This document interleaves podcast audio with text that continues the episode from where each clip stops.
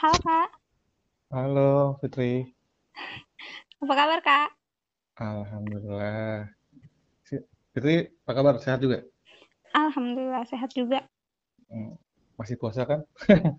Pertanyaan anak Udah bu, SD. udah buka dong Kak, kan udah udah Nah, maghrib. betul, betul, betul, betul. Karena kalau ditanya masih puasa, kan banyak kan gitu kan, masih puasa enggak ya? Ya udah buka lah, maghrib gitu. Oh berarti aku nggak mas, kena triknya dong.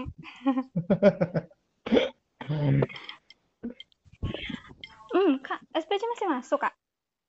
iya masih masuk, Alhamdulillah. Hmm, Masya Eh, Allah.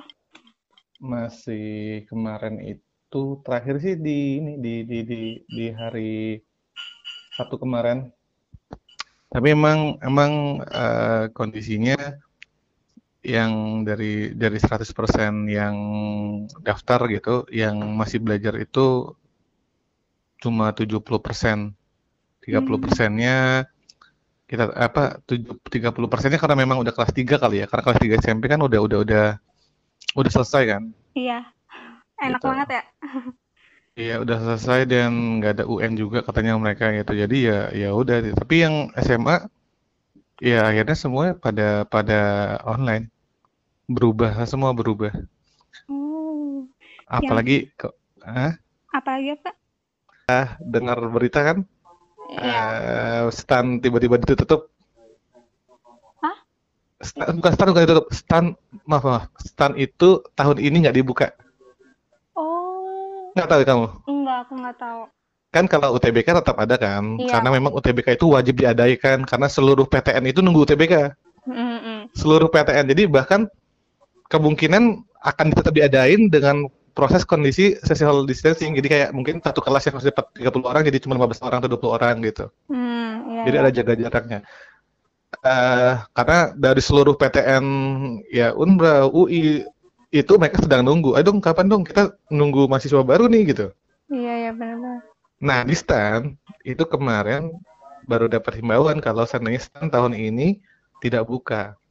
Hmm, Itu kan kalau orang yang nungguin eh nungguin eh, nungguin eh, di STAN nungguin eh, STAN buka gitu. Karena kan STAN gratis kan. Iya benar. Jadi banyak banget orang-orang mungkin yang yang lebih berharap ke stand karena stand gratis. Itu pertama. Kedua, ya bayangin orang-orang yang yang bimbel buka bimbel stand juga gitu. Pas Hmm, ketika stand nggak buka, drop juga mereka. hmm, hmm. Yang ketiga, terakhir kemarin kita ada baca dari dari eh, Sri Mulyani bilang ya dengan kondisi COVID ini kita maksimalkan orang-orang yang ada gitu. Hmm, Ya, jadi jadi ya dengan memaksimalkan orang yang ada berarti mereka nggak berpikir ngapain nambahin orang lagi dong. Iya, yang Ya, jadi aja.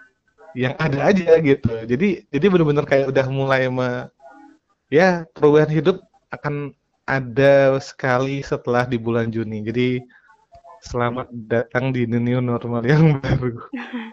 Iya, jadi kayak wah, ntar aku kayaknya ngajar diperpanjang ya jadi online. Kayaknya sih. Kemungkinan seperti itu. Jadi makanya eh sekarang kan Telkomsel kan gila-gilaan kan kalau yang, yang penting banget. Nih eh, SPC aja eh, kemarin kan yang akhirnya yang ngajak kan cuma berempat kemarin kan. Iya. timnya berempat atau ber, berlima berlima berlima doang kan karena di beberapa tempat itu sinyalnya jelek Oh, jelek. contoh nih kemarin kayak Kak Imam nih guru ekonomi Hmm, eh, kita berharap dia ngajarkan di kampungnya kan di, eh, di Indramayu Iya. sinyalnya masalah ya itu Iya ya, kendalanya di situ. Kendala besar ya Kak di situ.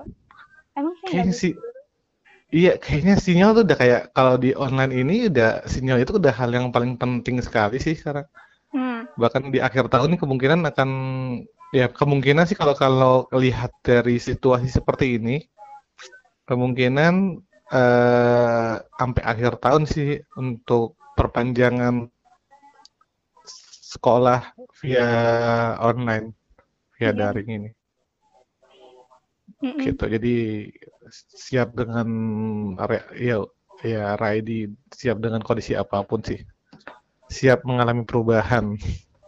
Eh Kak, tapi nanti lama-lama kalau kita udah terbiasa nih Kak sama perubahan ini nanti kakak nggak kepikiran gitu bakal ada inovasi baru dari SPC Alhamdulillah sih kemarin ketika pertama kali S kemarin kalau nggak salah pas waktu udah ada uh, ini ya mau PSBB ya bla bla bla bla untuk untuk aja tim tim dari tim manajemen dari SPC kan. Mm-mm. langsung bilang udah kita langsung harus buat online. Awalnya nggak kepikiran. Udah lah gampang kok tenang kok anak-anak suruh aja datang lagi nggak tahu kan. Itu kan kita mikir pertama kali gitu. Mm-mm. tinggal datang tinggal mereka harus pakai apa di tes suhunya di pakai eh, datang cuci tangan dulu Mm-mm. pakai ini. Itu kan awal kita mikir gitu kan tapi kan kondisinya semakin ke sini semakin parah yang ketakutan itu bukan anaknya tapi kan orang tuanya. Tahu. Iya kan? Takut loh. Jadi akhirnya untung pada saat itu kita dari manajemen langsung pikir udah nih kita harus buat online nih gitu. Akhirnya gimana caranya kita buat setting kelas benar-benar kayak online. Jadi di belakang ada whiteboard lalu ada dua kayak dua dua advice du- dua device ada ada laptop buat soal-soal ada handphone buat eh, karena kita mainan tetap ada tatap muka dan ada whiteboard di belakang jadi tetap ada live-nya gitu. Iya iya. Kan banyak orang kan cuma cuma cuma apa ya nggak ada tatap muka ya cuma lihat di laptop aja gitu. Kan kita Iya. nggak tahu nih gu- do- muridnya lagi tidur lagi lagi nga- ngapain gitu. Iya iya. Iya, jadi pengaruh banget ketika ada live seperti itu jadi tetap tetap sebenarnya bedanya adalah dia di rumah kita di eh, kelas dengan tetap ada whiteboard jadi dia mau nanya apa aja bebas gitu. Jadi dengan eh, kan biasanya kan kalau di beberapa sekolah kan kakak lihat banget kan, lihat inovasi sekolahnya. Contoh ada sekolah yang benar pakai Zoom tetap ada. Mm-mm. Bahkan ujiannya ada pakai dua device, satu Zoom, satu lagi Google. Jadi Zoom itu eh, guru itu mantau apakah dia dibantu atau enggak. oh Itu itu sekolah itu sekolah niat sekali beneran. iya itu sangat niat itu benar itu niat jadi jadi nggak boleh ada jadi suara itu dibuka biar dia nggak bisa nanya-nanya sama teman-teman itu pertama lalu ada beberapa sekolah juga yang cuma kayak ngasih eh, link YouTube. Nih. Lalu dikasih soal. Kan itu beda-beda sekali ya. Iya benar banget. Tapi karena memang kita khususnya di Jakarta ya di, di apa di sekolah-sekolah di Jakarta kayaknya beberapa gurunya udah nggak gaptek jadi ya mereka tetap tetap eksis tetap belajar tetap tetap memberikan soal tetap ada. Tapi kan kita buat daerah-daerah kan. Mm-mm. Hmm. Ya begitu. Bahkan ada yang ada di beberapa bimbel sistemnya eh, jadi dia ada ada dua sesi. Jadi jam 2 jam 3 dia ngirimin link video. Jadi siswa suruh eh, suruh nonton Mm-mm. linknya. Mm-mm. habis itu jam 4-nya masuk ngasih soal. Oh. Itu itu kakak sampai coba mencari oh, oh ada gitu ya tatap mukanya nggak ada mereka. Tatap mukanya nggak ada. Jadi mereka cuma via eh, WhatsApp group. Wah itu keenakan muridnya kak. Kayak gitu. Iya mak makanya kita kita sedang akhirnya kita cuma coba mencari cari. Dan alhamdulillah so far selama ini pas kita benar-benar ngerubah total jadi benar-benar harus tetap ada laptop tetap ada ada HP lalu ada whiteboard juga gitu. Jadi ya perubahannya cuma nggak ada perubahan sih bedanya cuma dia cuma di rumah. Jadi eh yang pasti nggak bisa satu kelas itu nggak bisa bedanya satu kelas itu nggak bisa beda kelas. maksudnya biasanya kan satu kelas tuh ada yang kelas 3 sama kelas 2 gitu ya. Iya heeh. kalau sekarang udah nggak bisa. Ya, kelas 3 kelas 3 aja. Kelas 2 kelas 2 aja. Sendiri sendiri aja gitu. Jadi bener-bener itu sih perbedaannya Kukira nanti bakal ini ada websitenya gitu kak, terus jadi lebih Kemarin rencananya sedang pengen buat ini, pengen buat eh sebenarnya eh, mau buat ini, buat video pembelajaran di YouTube Mm-mm. dengan dengan niat tidak ada tidak ada pengen jadi AdSense atau apa gitu. Yang penting adalah cuma videonya kita buat naruh di situ gitu. Mm-mm. Jadi niatnya kalau misalnya eh, bab tentang ini, oke, kalau misalnya masih ada yang lupa, lihat aja buka YouTube ini di ini gitu. Jadi niatnya ke sana nanti. Jadi Ya. kayak ada proses pengulangannya kita taruh di link YouTube itu. Jadi kayak sebenarnya kayak lebih ke tempat penyimpanan video sih. Yang bisa diakses banyak orang gitu ya. Yes. Nah kan sebenarnya dulu itu eh YouTube itu kan sebenarnya gitu kan, tempat tempat nyimpen video kan. Mm-mm. Ya, tapi kan semakin berjalannya waktu akhirnya sudah berubah, akhirnya orang suka, akhirnya ditonton, bla bla bla bla, bisa jadi AdSense, bisa jadi hobi dan bisa jadi kerjaan. Iya, iya benar. Memang makanya kalau mau jadi YouTuber jangan berharap awal-awal pengen uang. Capek. Karena ada teman kakak yang niatnya jadi buat aku pengen buat YouTube gitu. Dia berhenti di pembuatan 7 video. Ah, Karena di, tujuh, di video ketujuh yang nonton masih 100 orang, 300 orang, 800 orang. Habis itu capek gitu. tapi emang kayak gitu harus sabar sih. Bener harus nggak jangan niat untuk mencari money, money, money. Iya, kalau dia mencari money capek loh. Kita habis-habisan ke sini, ke sini, ke sini gitu. Jadi ya, ka- kalau udah kayak gitu, bayangin. Dan itu 800 itu adalah orang-orang yang dikenal. Makanya sebenarnya kalau mau mau mem- membuka membuka uh, YouTube itu awalnya harus dia harus setidaknya setidaknya ya Mm-mm. dia terkenal di Instagram dulu. Iya bener. Biar gampang kau I- dance-nya ya. Nah, followersnya lumayan banyak. Mm-mm. orang kenal dia. Jadi ketika dia pindah ke YouTube, setidaknya beberapa orang followers dia ikut. Iya, iya. Ini kalau nggak dikenal tiba-tiba, tiba-tiba buat YouTube, ini siapa juga lu ya? Iya, iya benar-benar. Oh iya kak. Nah, Hmm. kakak dulu kan ngajar privat-privat gitu kan? Iya, iya. Terus gimana tuh? Nyampe bisa gitu. Kan yang tadinya datangin murid, eh sekarang kakak malah murid yang datang-datang.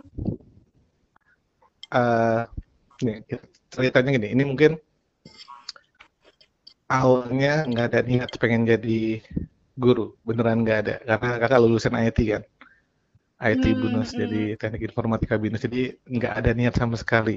Jadi, ah, dalam pas, tapi dulu SMA pinter, SMA pinter, jadi termasuk ranking ya dua satu dua satu dua satu gitu. Nah, tiba-tiba pada saat kuliah semester ketiga kalau nggak salah ketemu sama saudara kakak. Nah, saudara kakak itu guru bahasa Inggris privat. Jadi ketemulah saudara kakak itu. Kakak kerjanya apa? Guru nu privat gitu. Nah, nanya-nanya lah gitu, guru privat bahasa Inggris ngajar ke, ke A, ke B, ke C. Muridnya ada berapa, Kak? Ada kurang lebih kemarin dia bilang lupa sekitar belasan lah gitu. Oh, Jadi, oh banyak banget. banyak. Wow. Nah, ketika pas eh, nanya berapa berapa gajinya, ya, berapa fee-nya ya, Mm-mm. berapa berapa total pendapatannya, ya di atas UMR kan. Oh, bener kak, gede juga ya gitu.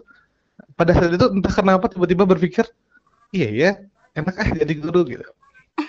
Nah, akhirnya pada saat itu eh kalau nggak salah pertama kali ngajar murid pertama dengan dulu nggak mikir ya nggak mikir mau uang berapa yang penting ngajar deh gitu akhirnya eh, ngajar nah tapi niatnya tuh dulu adalah awal pertama kali kalau nggak salah adalah pengen ngelatih ngajar dulu di Bintaro kakak tinggal di Bintaro Permai dulu. Jadi ada di Bintaro Permai itu ada masjid ada masjid Al Karim di belakangnya itu ada kampung. Ada kampung lalu di masjid itu ada kayak aula kan. Nah karena kakak dulu jadi termasuk ketua remaja masjid di sana jadi akhirnya eh, kayak ada waktu kosong nih gitu. Ayo Hmm. akhirnya kakak ngeluangkan waktu untuk ngajar anak-anak ngajar anak-anak SD kampung tersebut dengan gratis. Free Masya Allah. Itu kurang lebih setahunan, 9, 8 bulan, 9 bulan. Bener-bener kakak ngosongin jadwal kakak setiap hari Sel- Selasa, Kamis, sama Sabtu kalau nggak salah. Udah, itu bener-bener, jadi jadi kakak ngajar matematika, kakak ngajar IPA itu anak SD. Itu bener-bener kayaknya itu momen di mana eh apa ya, nggak ngajar, pengen, pengennya berbagi aja. Tapi itu sebenarnya awal, alhamdulillah itu awal pembuka rezeki sih kalau kakak bilang. Jadi eh, akhirnya tiba-tiba ada ngajar murid yang di mana dibayar, dibayar cuma dua puluh ribu per sesi ya udah nggak apa-apa gitu. Karena niatnya niatnya nggak nyari uang. Ya, tiba-tiba dua puluh ribu, tiba-tiba dari murid tersebut adiknya lagi mau belajar. Ya, jadi dari yang SMP kan ngajar yang SD. Jadi dari dua puluh ribu naik cuma dua puluh ribu dan dan terima kondisi itu yang sebenarnya adalah dulu nggak pernah mikir mau dibayar berapa, dibayar tiga puluh ribu iya, kadang-kadang dibayar dibayar lima puluh ribu masih dinego, udah ambil aja. Hmm. Itu awal karena karena banyak banget kan eh, apa ya pengajar-pengajar awal itu ngambil target besar gitu. Nggak salah sih kalau dia punya pengalaman ya. Iya, iya. Kalau dia belum punya pengalaman, harusnya belajar menikmati, menikmati kondisi itu. Nah, akhirnya 20 ribu, 30 ribu itu kurang lebih eh, apa ya? eh, akhirnya harus sampai titik tiga bulan, akhirnya ada murid, ada tawaran murid dari eh, abang kakak, saudara kakak yang bahasa Inggris kemarin. Nu, lu kan ngajar matematika kan? Iya kak.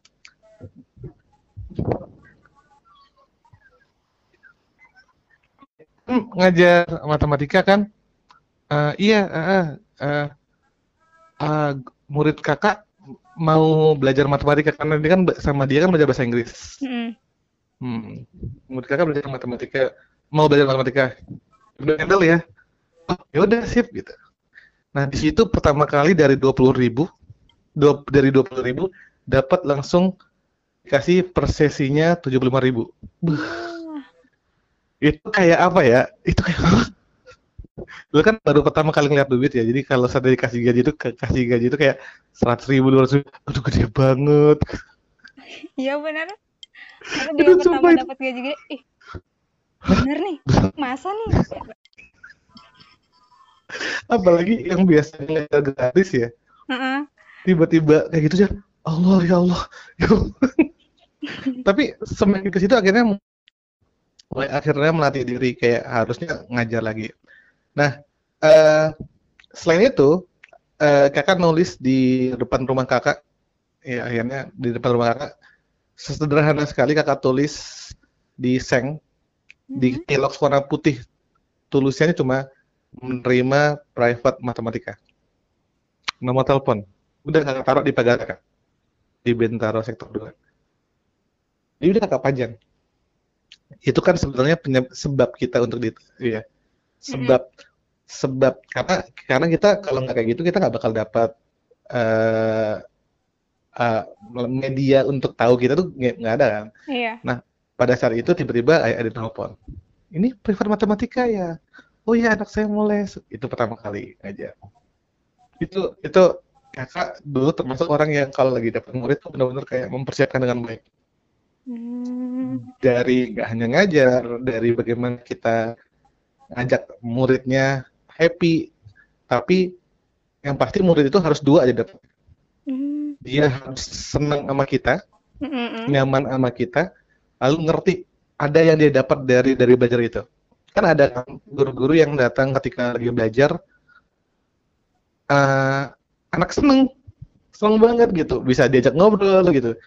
Tapi nggak belajar apa-apa, kayak belajarnya cuma sederhana mungkin, sangat nggak- ya mungkin cuma 20% 30% gitu. Iya. Ya, sebenarnya yang harus kita lakukan adalah ini anak punya problem apa, pecahkan itu dengan suasana yang happy. Jadi kayaknya kita tuh kayak ngebantu dia. Oh, gini doang kayak. Oh, gitu doang ya. Jadi itu yang ngebuat akhirnya anak-anak tuh kayak eh, seneng dan kalau anak SD simple kok. Kalau kita tuh kita harus ikat dua orang. ibunya sama anaknya. Hmm. Ya, jadi kalau ibunya simpel, orang tua nggak bakal dengerin kita les, nggak bakal ikutan belajar, nggak mungkin lihat kita ng- nggak mungkin lihat kita ngajar Hmm. anaknya, nggak mungkin anak Tapi yang dibutuhkan adalah nilainya bagus. Iya. Itu udah se- sederhana itu kok. Jadi kalau nilai rapotnya bagus, udah lanjut itu. Nah, kalau SMP itu udah dua-dua tuh. Udah 50% anaknya sama 50% keputusan orang tuanya. Hmm. Nah, kalau SMA itu biasanya keputusan orang tuanya full, eh keputusan anaknya full.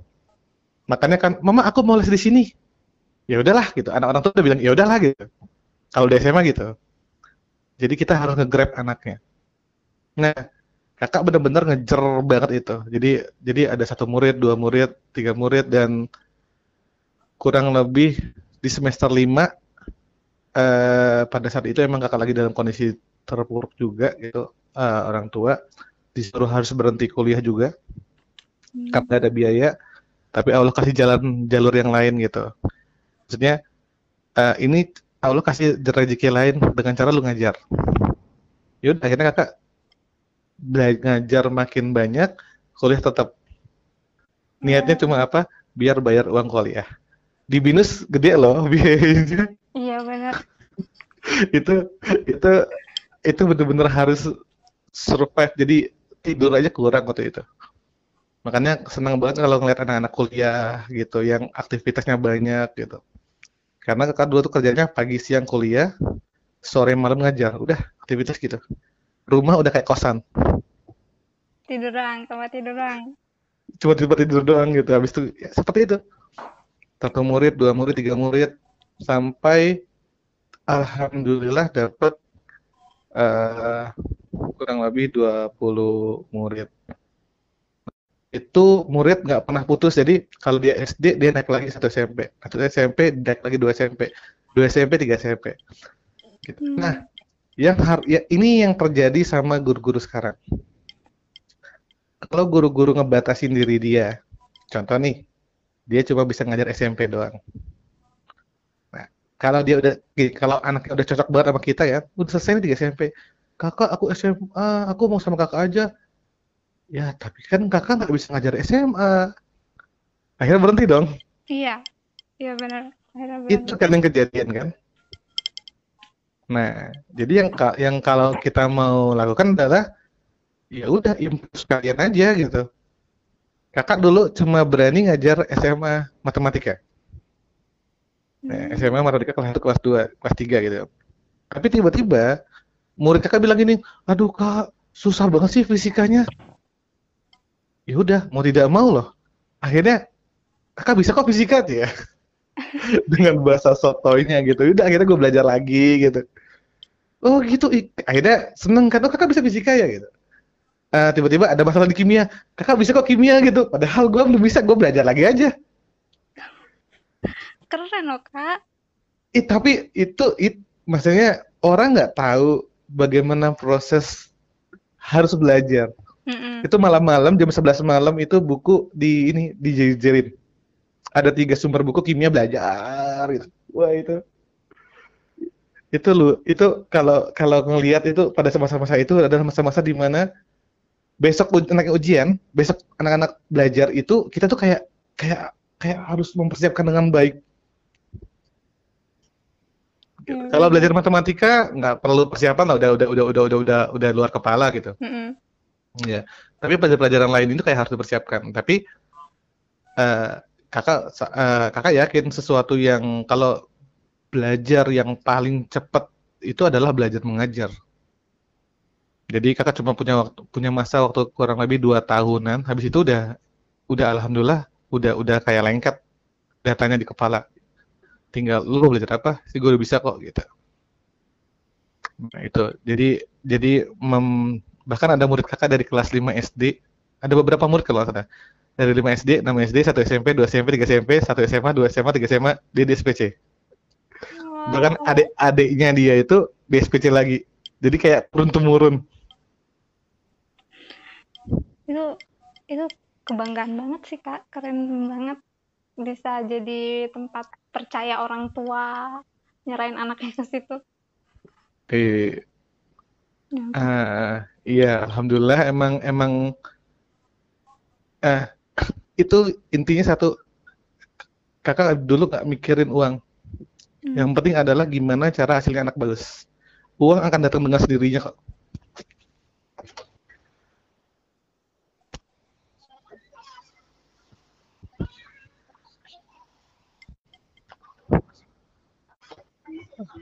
Oke.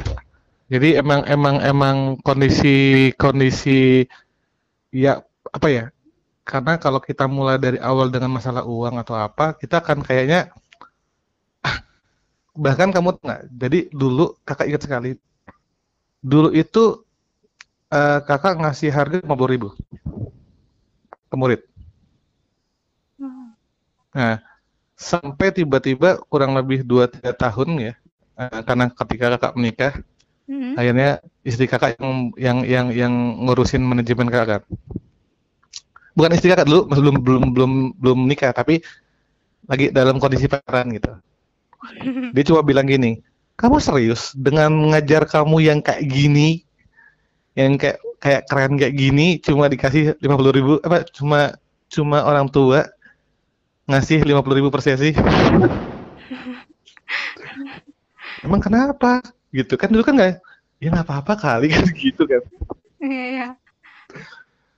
enggak masalahnya kamu itu ngajar tuh bukan ngajar doang gitu. Kamu kadang-kadang un- ud- apa ngebantunya udah sampai sampai dari atas ke bawah bahkan kata psikisnya dia masalah dia gitu semuanya. Oh gitu ya? Kayak polos kayak polos banget sih. Jadi kayak polos. Jadi alhamdulillah akhirnya coba deh gitu. Dan ketika tiba-tiba kita naikin ingat banget dari 50.000 ribu ke 75.000 ribu itu orang tua orang tua murid gak ada yang komplain. Habis itu setelah bertahun lagi naik lagi itu mereka nggak komplain emang emang emang emang itu udah di level kita gitu jadi jadi jadi benar-benar kita harus sadar tentang kemampuan kita cukup nggak sih kita dihargai segini gitu Hmm. Iya, iya. gitu karena kalau seandainya uh, orang kita belum menunjukkan tentang skillnya kita Hmm. lalu tiba-tiba kita minta naik harga segini ya ya orang akan berpikir "Ah, lupanya lu harga lu nggak segini gini kok gitu. Sama lah kayak senanya kalau yang suka nonton bola ya. Hmm. Ronaldo atau pemain sepak bola ditransfer dengan harga mahal. Ketika tampil di lapangan nggak pernah ngegolin mainnya buruk. Akhirnya kan orang bilang ini nggak harganya nggak pant- pantas nih. Gitu. Tapi kalau seandainya seandainya dengan harga murah tiba-tiba dia nyetak gol berkali-kali dia banyak mencetak gol dan mainnya bagus ya tunggu aja tunggu aja kalau seandainya dari pihak klub itu tidak menaikkan harga, gajinya kemungkinan adalah akan diambil dari klub lain dong Iya, benar. nah konsepnya kayak gitu gitu lu naikin level lu aja nanti akan dibuat level tertinggi grade tertinggi nanti akan seperti itu Oke, ya. Jadi kayak kita harus lihat diri kita sendiri dulu gitu ya, Kak. yes. Pantas nggak nih dapat segini? betul betul betul banget. Pantas nggak dikasih ini? Betul banget gitu. Kan takutnya takutnya kalau dulu pernah ada ada quote, quote kan? Mhm. nah ada gini. Kalau anda dibayar digaji gaji 5 juta. Mhm. tapi eh anda gaji 5 juta tapi pekerjaan anda senilai 3 juta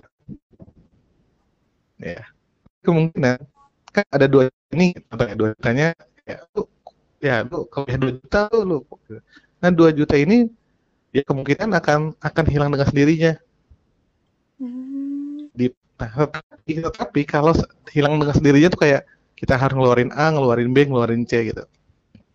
Tapi kalau seandainya nih kita digaji 5 juta, padahal padahal skill kita itu skill 10 juta. Mhm.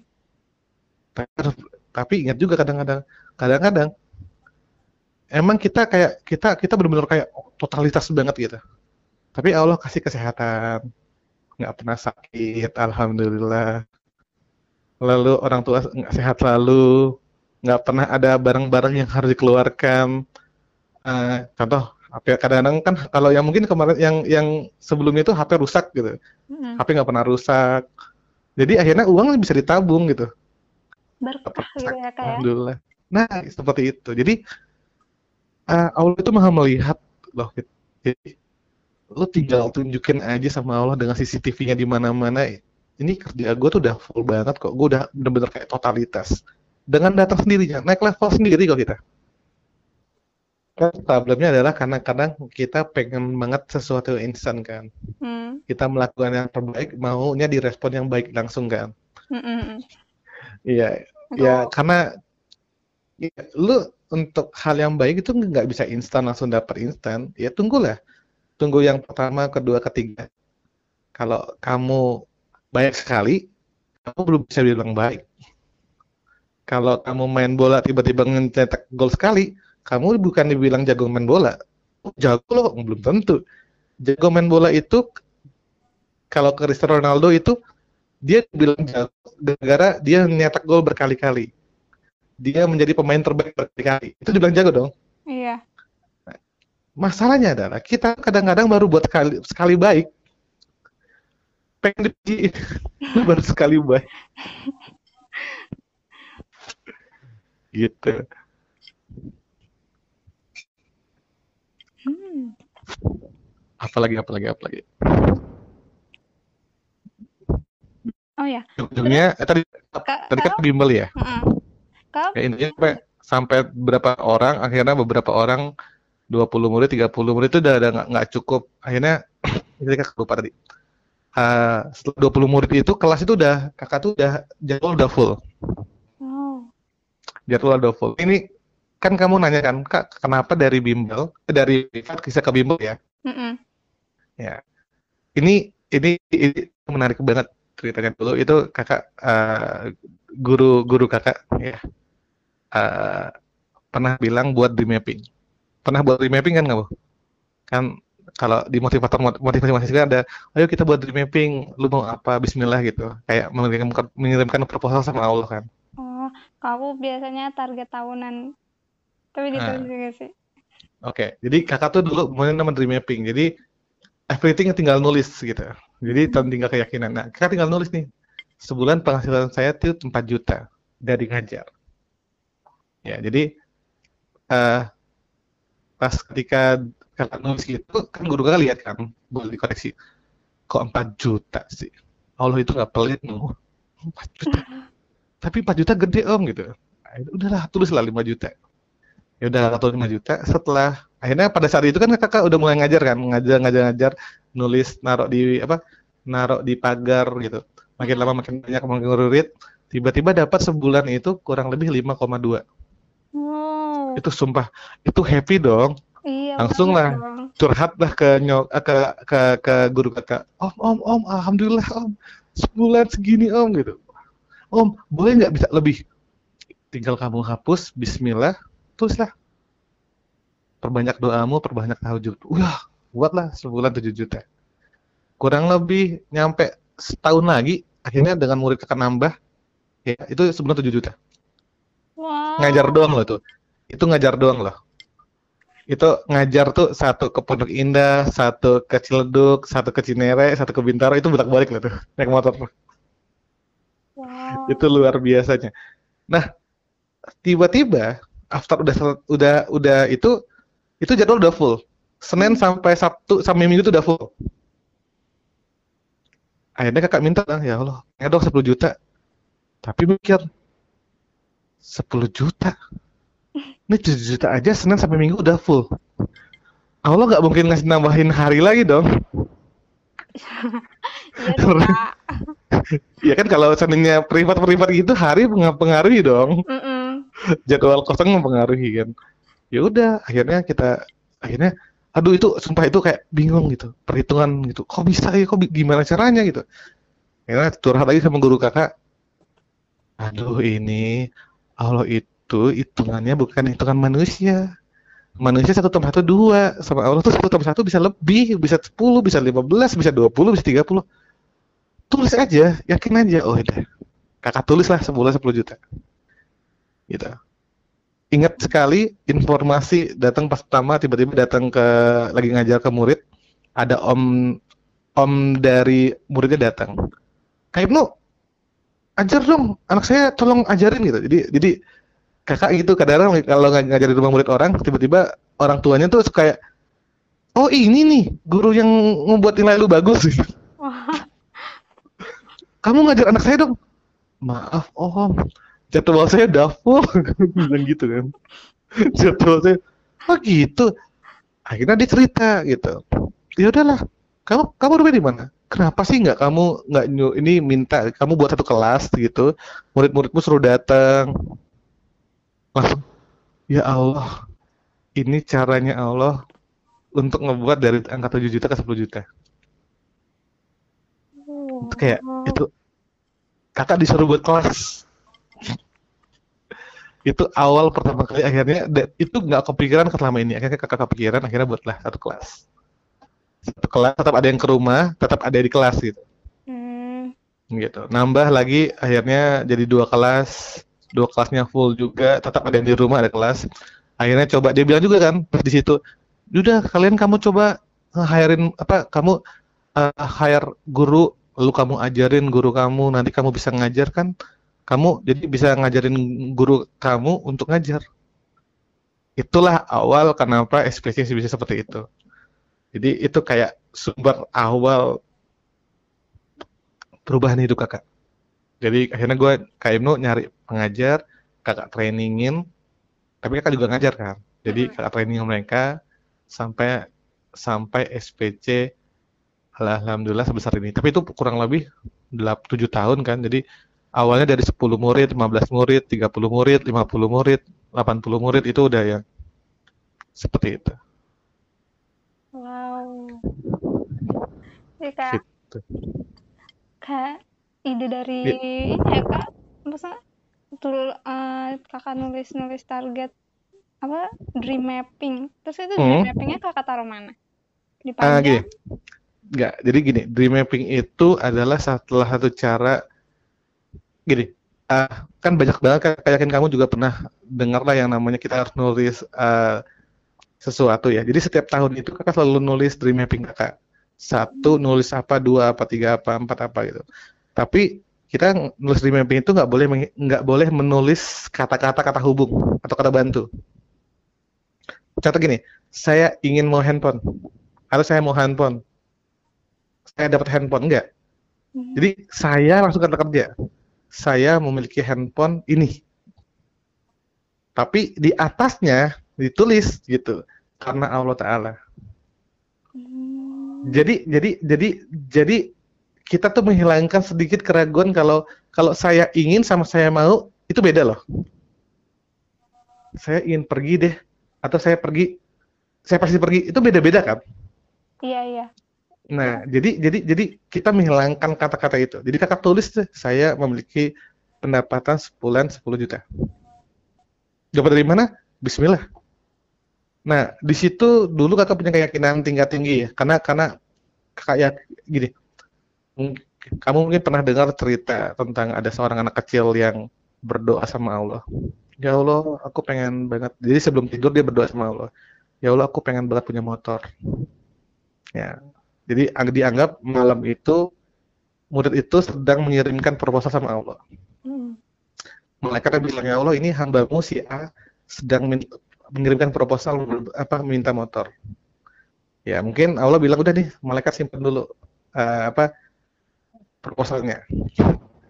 Ketika besok pagi ya anak kecil ini ngomong sesuatu. Tahu ngomong apa dia? Semalam gue pengen punya motor. Mana mungkin ya? Orang tua gue aja miskin.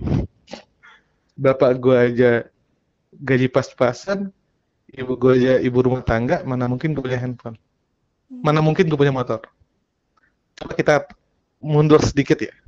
Dia minta sama siapa? Allah. Lalu dia bilang apa? Mana Oh, mungkin mana kan? mungkin. Berarti keputus berarti kesimpulannya adalah mana mungkin Allah bisa mengabulkan doa dia. Iya. Gila. Itu itu gila gak sih? Allah itu bisa memiliki seluruh muka bumi ini seluas ini sebesar ini. Lu kecil men. Kecil secuil. Aduh apa sih? Lalu gak pernah mungkin. Kan lucu gak sih? Iya, iya bener. Dia minta tapi nggak yakin, tapi pengen. Ya, ya itu, yang kejadian gitu. Lu dia minta sama Allah tapi dia nggak yakin Allah ngabulin. Iya, ya ya udah nggak bakal dikabulin lah yang ngapain? Gitu ya.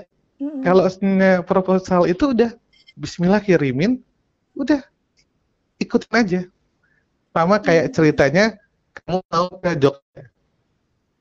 Ini contoh Fitri mau ke Jogja nih ya? Hmm, apa? Mau apa? contoh Fitri nggak? Fi- Fitri pernah ke Jogja nggak Eh, pernah. oke. Dia jangan ke Jogja deh Eh, ke mana yang kamu belum pernah? Ke New Zealand. ya udah udah. Contoh contoh lah ke New Zealand lah ya. Jadi kamu suruh ke New Zealand ke alamat ini gitu. Ini ada alamat di daerah New Zealand kamu ke situ ya. Oke kan kamu kan ke sana kan berarti gampang kan dong. Kamu naik eh, bandara dari Soekarno Hatta ke bandara New Zealand ya? Mm-mm.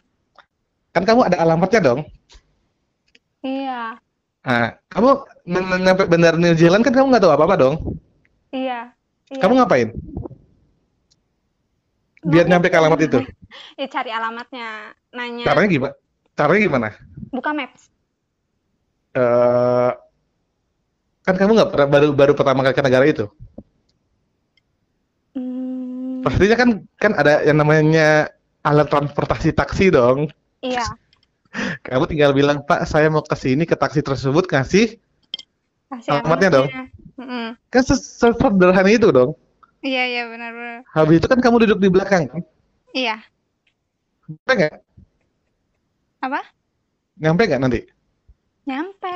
ya nah problemnya adalah banyak orang dalam nunggu di taksi itu ngedumel sama tukang taksinya Ini kenapa belok kanan, Pak? Ini di mana, Pak? Ini kenapa belok kiri, Pak? Kenapa ini macet, Pak? Kesel gak sih tukang taksinya? Bacot banget lu. Baru datang ke sini aja belagu banget. Oke, iya benar. Iya. Jadi kalau seandainya emang kamu buat proposal, udah ikutin saja Allah pengen arahin ke mana.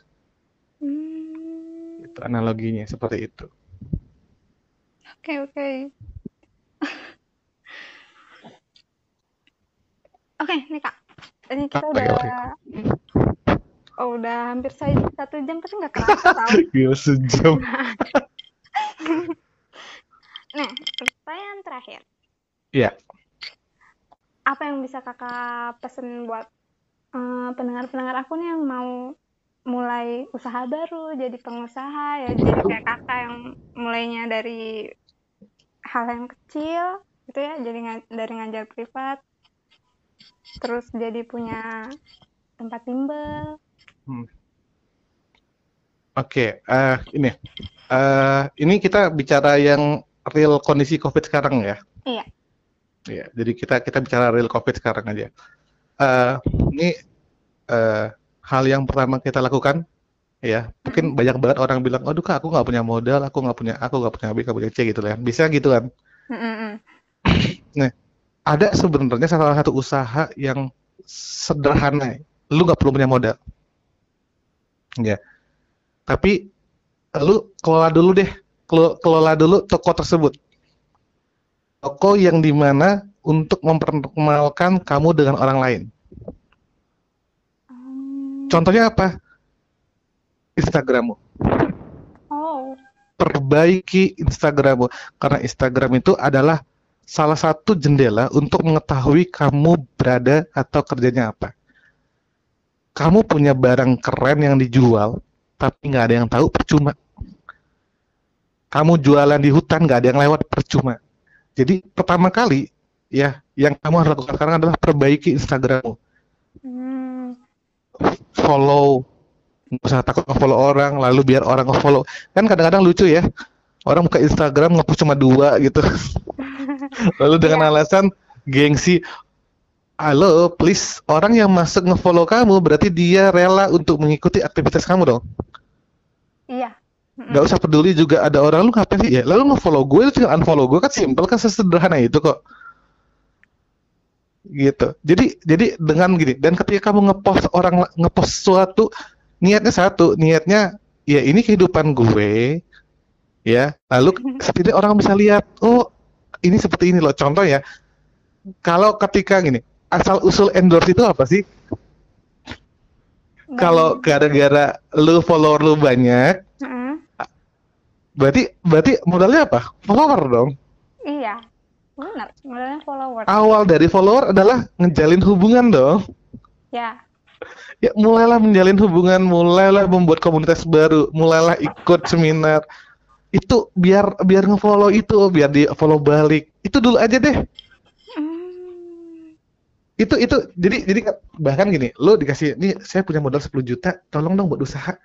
Dalam hati, ya elah takut jangan-jangan nggak bisa balik uangnya. Kenapa? Karena ya lu Instagram lu, toko lu yang lu sekarang aja, lu nggak perbaiki, lu nggak rapiin. Oh, iya. Kan sekarang kalau Fitri lihat kan banyak sekali kan orang-orang yang sekarang ngeposting jualan A, jualan B. Alhamdulillah itu itu cara cara orang bertahan hidup. Kakak salut. Menghilangkan gengsi. Itu yang kedua. Karena banyak orang kalau sekarang kamu hidup dengan kegengsian, kamu nggak bakal bisa hidup. Nggak salah kok kamu pengen jualan kurma itu sesuatu yang halal.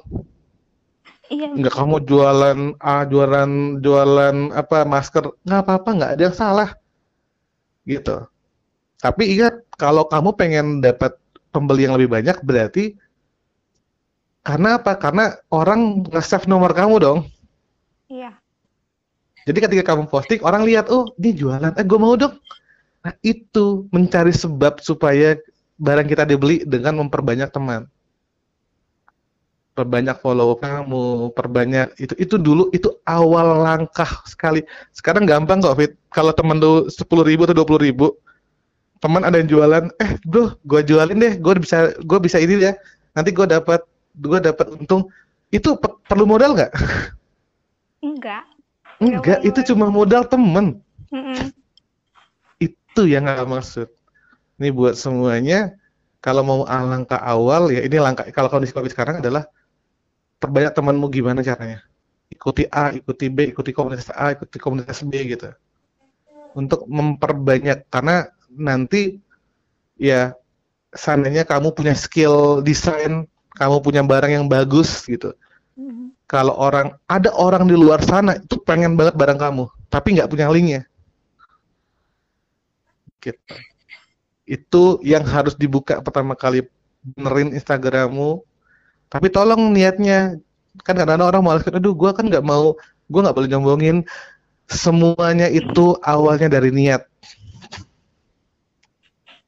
Iya. Itu jujur ya, ini kakak kakak jujur ini ini kakak tuh termasuk dulu sebenarnya banget ini Instagram. Jadi Instagram kakak itu kalau kamu buka Ibnu Kal underscore itu Mm-mm. di situ cuma memang di dalam itu emang eh, kakak foto buat ini kakak, istri kakak, anak kakak, udah gitu. Padahal dulu teman kakak bilang, coba benerin Instagrammu, naruh bimbel situ. Kakak tuh dulu nggak sempat mikir ke sana gitu. Dan nggak terlalu males banget untuk magar untuk untuk nge-follow orang atau apa gitu. Itu dulu.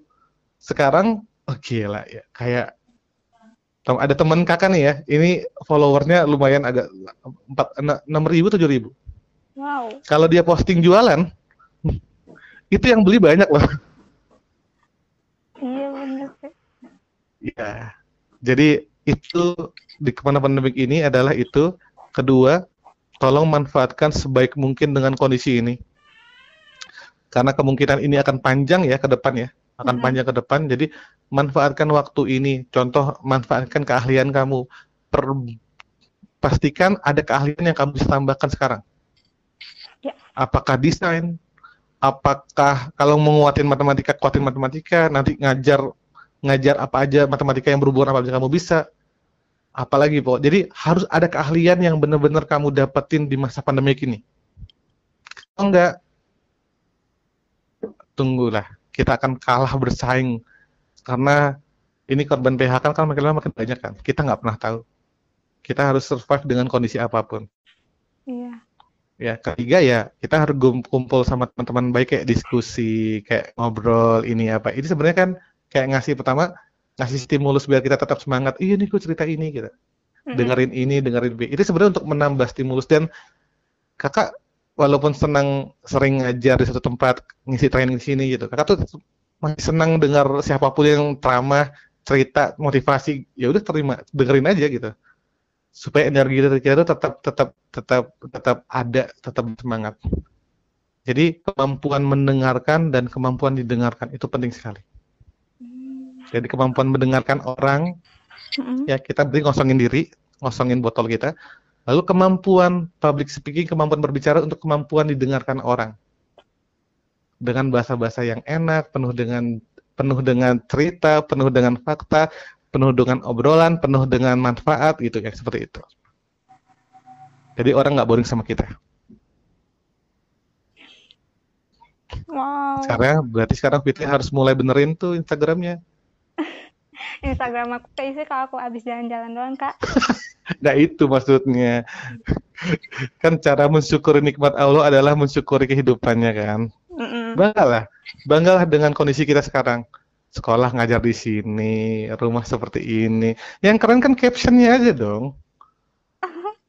Yang penting jangan naruh foto-foto, ada ada 30 foto, ambillah satu foto yang bagus gitu. Ini keren kayaknya nih taruh di sini nih.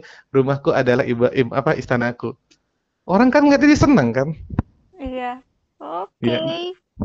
Gitu. Thank you ya Kak Ibnu. Oke, Udah terima kasih meluangkan Fitri. waktunya sejam ini. Yap. Sukses selalu ya Kak. Semoga Iya. makin banyak murid di SPC-nya, makin banyak juga gurunya yang ngajar. Amin, amin, amin. Sukses Terima kasih. Yuk, Fitri. Dadah, dadah. Thank you ya Kak. Yo, Assalamualaikum. Waalaikumsalam.